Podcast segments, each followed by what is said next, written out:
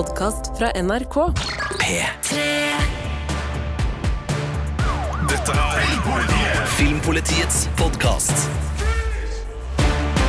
Velkommen til Filmpolitiet med Sigurd Vik og Ingvild Dybfest Dahl.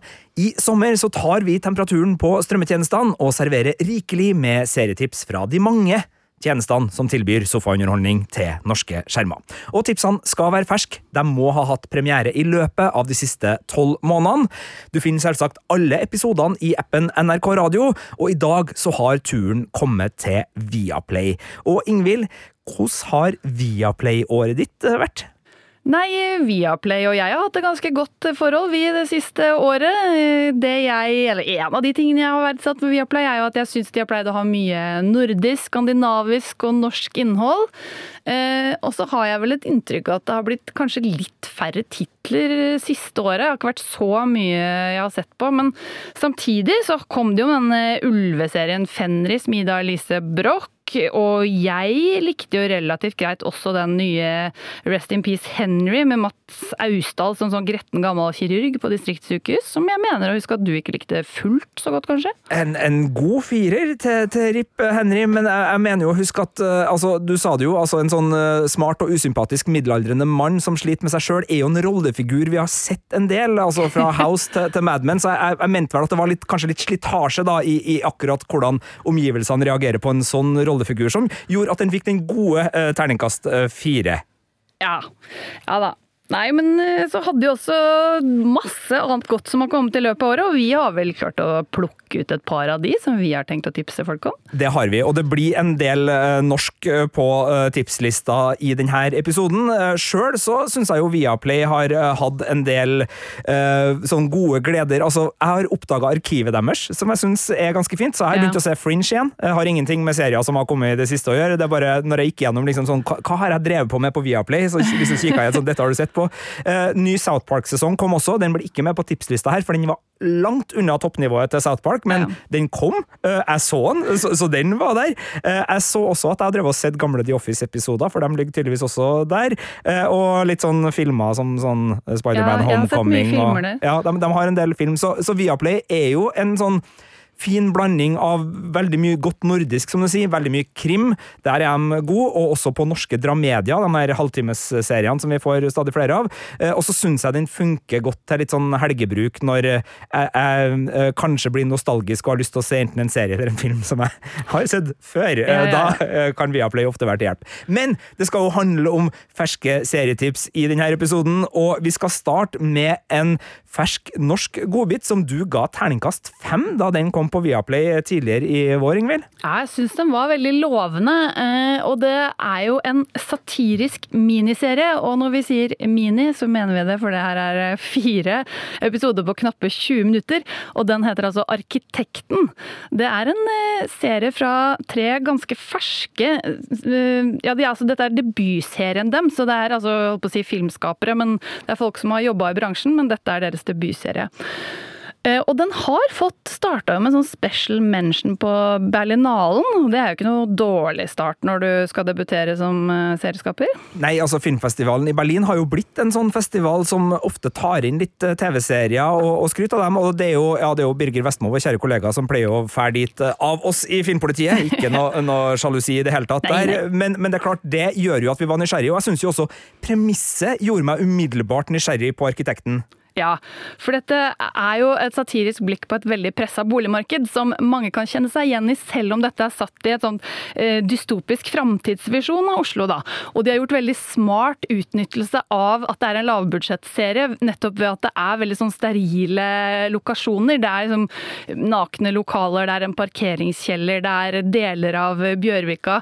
Eh, så det er veldig sånn smart gjort, eh, måten de har kommet seg rundt og ikke ha veldig mye ulike steder de må filme. Og så har de en kjempegod hovedrolle, Eili Harbo, som vi jo har sett i mye. Og så har de strødd det med en ganske rekke interessante bifigurer også, som bl.a. Alexandra Gjerpen og Fredrik Stenberg Ditlev Simonsen spiller i. Uh, kjapt spørsmål. Uh, vil du si at serien, uh, for jeg har ikke sett den, altså, passer den best til dem som kanskje er irritert på boligmarkedet, eller til dem som driver med eiendomsutvikling? Nei, det er nok best for oss som syns det er frustrerende at det er veldig dyrt og vanskelig å få tak i leilighet. Det er, det er, den, det er vel en kritikk, kan vi vel si, mot eh, de som bare skal ha profitt og utnyttelse. Jeg skal uh, se Arkitekten. Terningkast fem, altså fra Ingvild Dybfest Dahl, da den hadde premiere på uh, Viaplay i vår. Og fire kjappe episoder på 20 minutter. Det høres jo veldig uh, overkommelig ut på en, en, sommerkveld. Det er et helt greit sommersluk, og det her får du også både absurde, kleine og humoristiske kvaliteter. Og jeg tenker Hvis du sitter og scroller litt sånn doomscroller på boligmarkedet og ikke finner noe, så kan det være greit å bare legge bort telefonen og ta Arkitekten i stedet for. Eh, alternativt så kan du følge tips nummer to fra Viaplay, som kommer her, og som egentlig da er eh, å, slå med slegge, fordi eh, Lars von Trier, den danske regissør, han tok oss med tilbake til riket for å avslutte sin 25 år gamle kultserie i høst. Altså, eh, Kollega Birger Vestmo var ikke bare på Berlinalen, han var også på filmfestivalen i Venezia, hvor riket ble vist i sin helhet, og han slengte da ut følgende terningkast seks-frase på sin anmeldelse. Man kunne ikke ønsket seg en bedre avslutning på rikesagaen. Det var da Birger Vestmo, og det var terningkast seks, og jeg er jo enig i at det her var en fantastisk serie. Den dukka også opp på uh, topplista over de beste seriene fra 2022 i Filmpolitiet. Kom på sjetteplass der.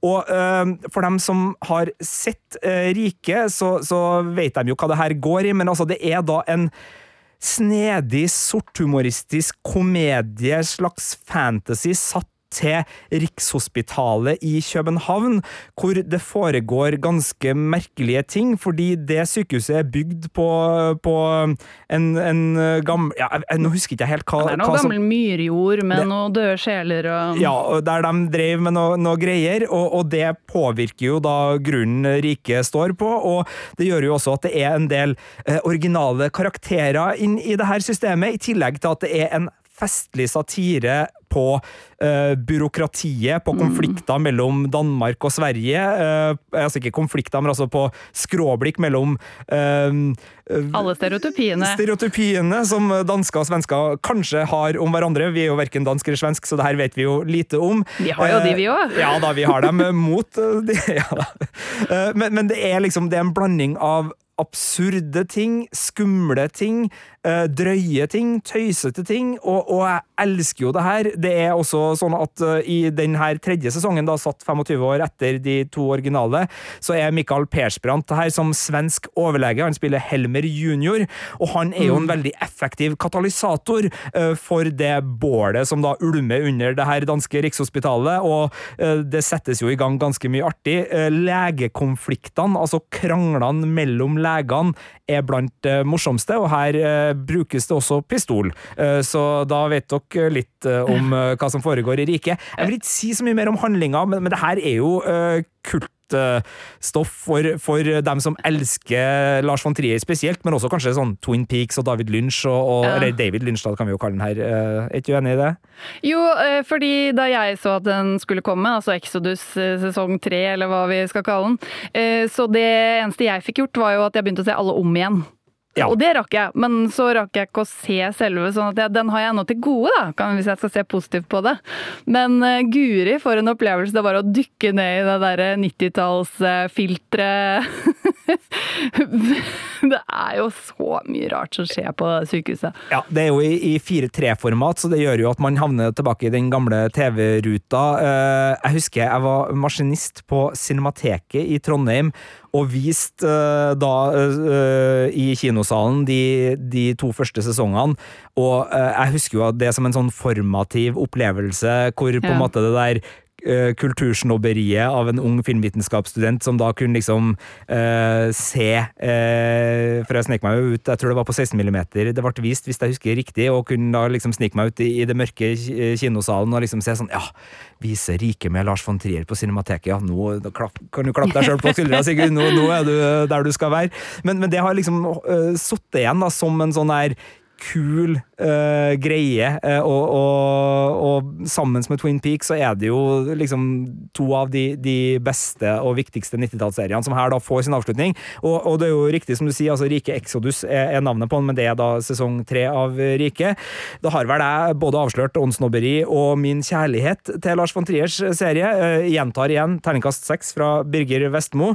det er bare å se Rike på Viaplay, og start gjerne med sesong én, for da får du jo virkelig uh, kose deg der. Uh, det var Danmark. Vi skal tilbake til Norge, og tilbake til en serie som også har fått terningkast seks fra oss i Filmpolitiet, da for den første sesongen, uh, nemlig Pernie.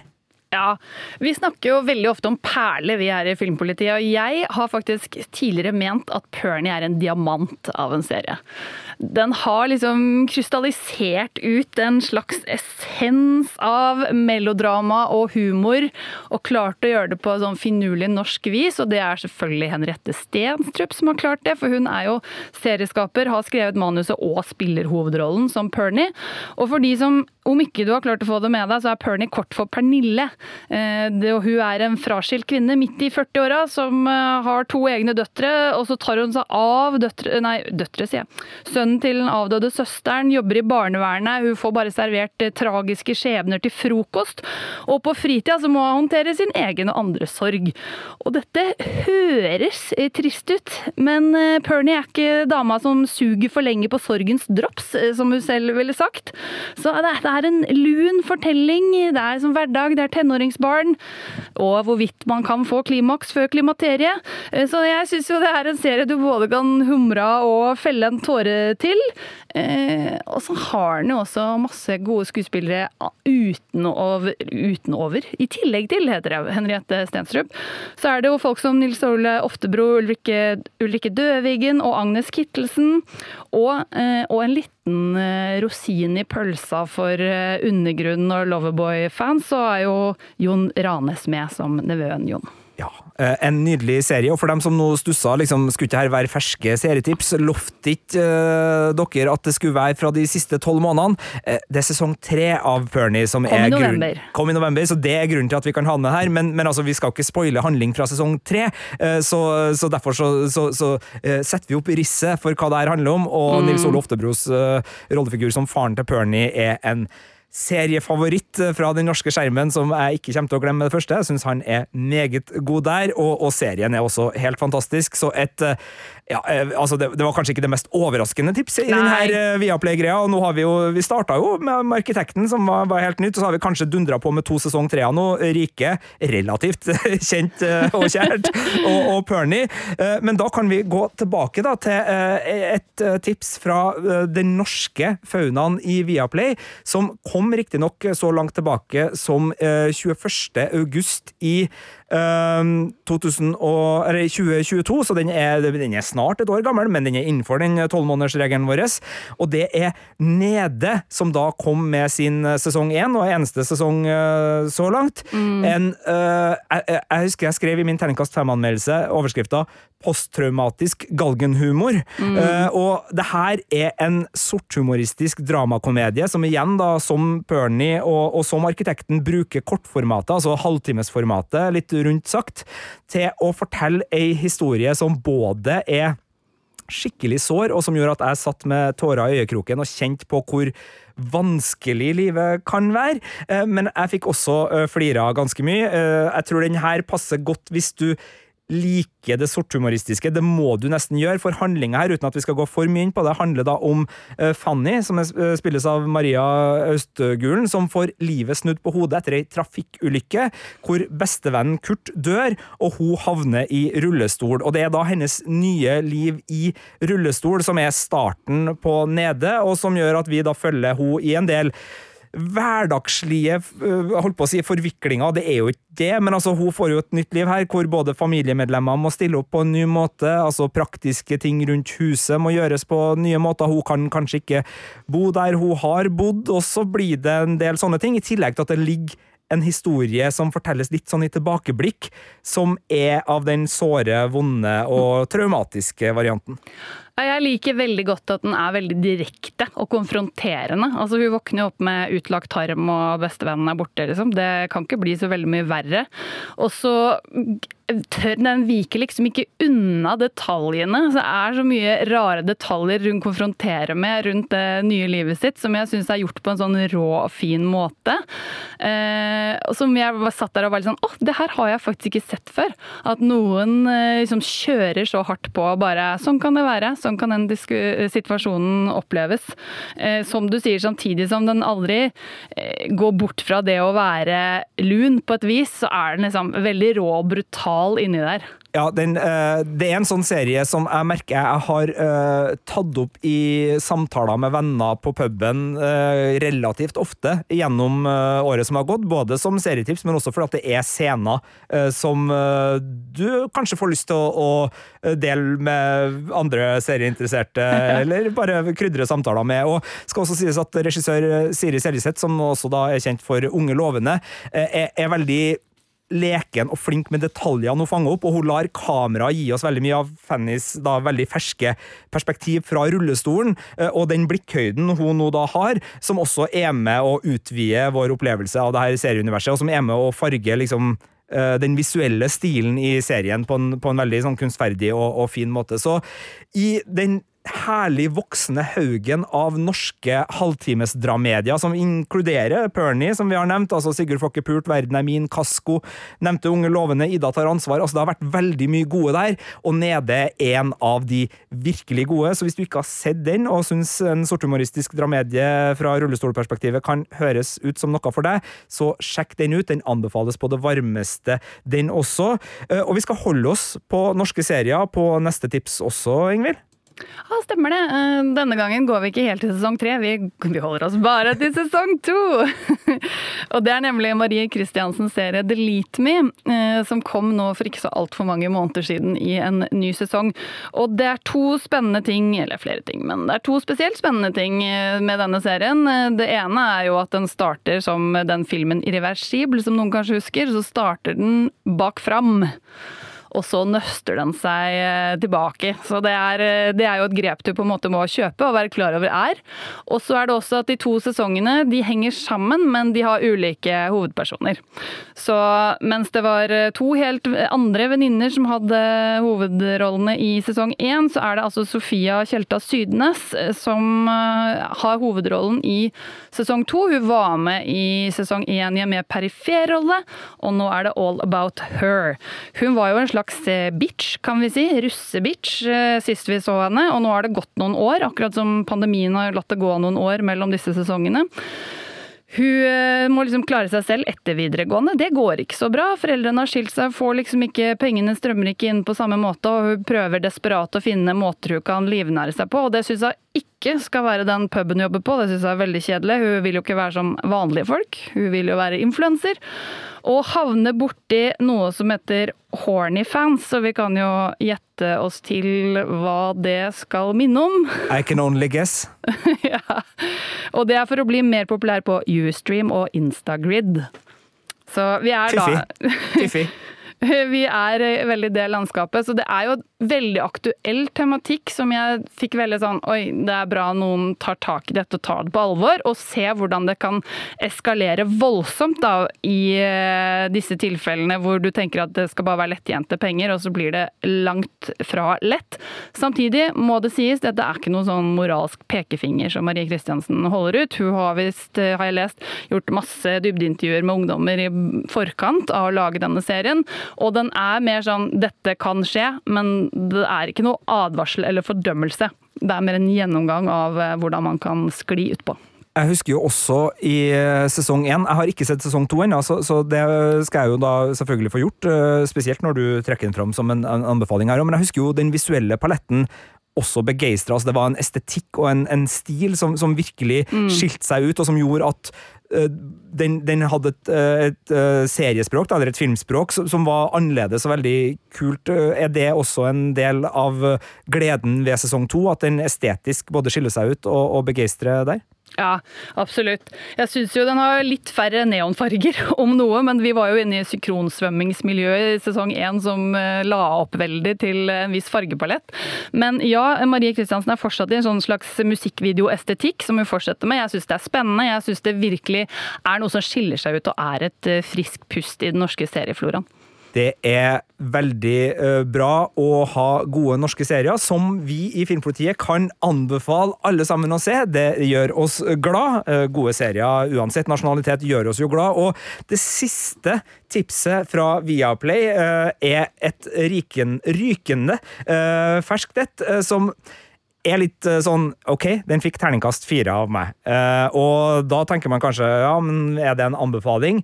Ja, av og til så er terningkast fire noe man har lyst til å trekke fram og anbefale, spesielt eh, for dem som er disponert for å kunne like serien veldig godt. Og jeg snakker om Lucky Hank, eh, som nå eh, kom og starta 20. juni på Viaplay. Det er en Eh, Bob Oldenkirk-komedie. Mm. Eh, Bob Oldenkirk, kjent da bl.a. fra Better Call Saul-serien eh, og da moderserien Breaking Bad, og også fra filmen Nobody. Blant annet, han er en komiker mange liker. Og her spiller han en skikkelig grett 2019 litteraturprofessor som er lei av sin egen middelmådighet og studentenes middelmådighet. For han jobber på et sånt universitet som ikke er helt oppe i toppen der, det er ikke prestisje. Så per definisjon, hvis du er student der, så er du jo middelmådig. Og han lar studentene sine, som da er unge forfatterspirer, få høre det. I episode mm. én, han har en sånn Uh, det her blir jo litt smalt, da, men uh, der The Newsroom-serien også starter med en sånn tale om USA, der liksom skapet virkelig settes på plass, så har uh, Lucky Hank en sånn tale i starten òg, hvor Bob Odenkirks rollefigur, som da er Hank Devereaux jr., Lucky Hank, han, han setter også skapet veldig på plass for Eh, det middelmådige USA. Og det skaper jo reaksjoner, både blant foreldre, blant eh, studenter som har fått eh, moralen sin ganske kvesta, og ikke minst da lærerværelse rundt uh, Bob Odenkirks rollefigur. Og det gjør at det her er en kjempeartig arbeidsplasskomedie, syns jeg. Det er, starter som en arbeidsplasskomedie. Etter første episode så satt jeg bare og tenkte yes, det her er innertier for meg. Det er litt The Office. Det er litt den der uh, bitre, beske, gamle mannen som uh, har tenkt å bare gi faen, og, og Beklager ordlyden der. Men altså sånn, det er noe godt med å se folk som på en måte bare slipper opp alt og tenker at nå skal jeg si det jeg faktisk mener, jeg skal ikke tenke på noe. For han har jo tenure, altså han har jo eh, fast ansettelse, så han anser jo seg sjøl som ganske trygg, og, og har også havna på en plass i livet hvor nå kan jeg snakke ærlig til folk. Og så er jo det som skjer med Lucky Hank, og litt grunnen til at den får terningkast fire, er at etter hvert så blir den også et familiedrama. Fordi Hank sitt familieliv, eh, relasjonen til kona, relasjonen til dattera, blir også en viktig del av serien. Og i spennet mellom den ganske skarpe og vittige arbeidsplasskomedien og det litt såre familiedramaet, så blir serien ujevn. Men ujevn betyr ikke dårlig, eh, fordi i høydepunktene, både som familiedrama og som vittig arbeidsplasskomedie, så er det her en sånn serie som jeg er veldig glad for å ha sett etter at jeg har sett den. Ja. Men underveis så er den litt seig og litt treg, og det er ikke alt i den som funker like bra. Og Det er derfor den får terningkast fire. Ja. Men jeg vil jo likevel liksom bare si fra til alle sammen som tenker at den kunne ha vært noe for meg. Den er sannsynligvis det, sjøl om den fikk den fireren. Og det høres det ut for eh, de av dere og oss som har traska en del år på et eh, fakultet eh, på et universitet, ut som noe man kan kjenne seg igjen i. da, At det kanskje er noe halve moroa er liksom at du bare sitter og ser igjen alle typene. Ja, humaniora-fakultet kan være offer for en del av vittighetene og, skråblikkene her. Det må også sies at denne serien har en av de aller beste enkeltepisodene jeg har sett på TV i år. Oi. Det er femte episoden, eh, som heter The Clock, eh, som har Middagsselskapet som en rammefortelling, og den er et eh, kunstverk i seg sjøl. Mm. Både ved bruk av tittel, ved bruk av rekvisitter som fortellergrep, og liksom bare den ramma med et middagsselskap eh, som eh, selvfølgelig eskalerer. eh, og eskalerer og eskalerer. Så, så det er en favoritt. Lucky Hank hadde premiere 20.6 på Viaplay og går ukentlig med to episoder der, så i løpet av sånn cirka litt ut i junien så skal alle åtte episodene være mulig å Litt uti julien, unnskyld, skal alle episodene være mulig å se på Viaplay. Så det var tipsene vi hadde fra ja, Viaplay. Eh, Det var Arkitekten. Det var Rike sesong tre. Det var Pernie sesong tre. Det var Nede. Det var Delete Me sesong to. Og da til slutt Lucky Hank som siste tips ut. Og så er det jo sånn da at eh, i sommer så eh, dundrer vi på med episoder om de andre strømmetjenestene også. Det finner du i appen NRK Radio, hvor eh, selvfølgelig tipsene skal Ja, hva var det du sa eh, forrige gang, Ingvild? Skal de strømme på i sommer? Det var det jeg tenkte strømmetipsene skulle, da. En podkast fra NRK. Å sitte ute og skåle med dine aller beste venner, og sola føles som den aldri går ned, på en kveld der det faktisk er varmt og godt. Kjente folk gir deg skikkelig god feriestemning. Høye danske smørbrød. Smaken av jordbær. Kos meg og høre på musikk. Å få på meg et festivalbånd, en softis, glovarme bilsetter. en dag med lite planer. Hør feriestemning i appen NRK Radio.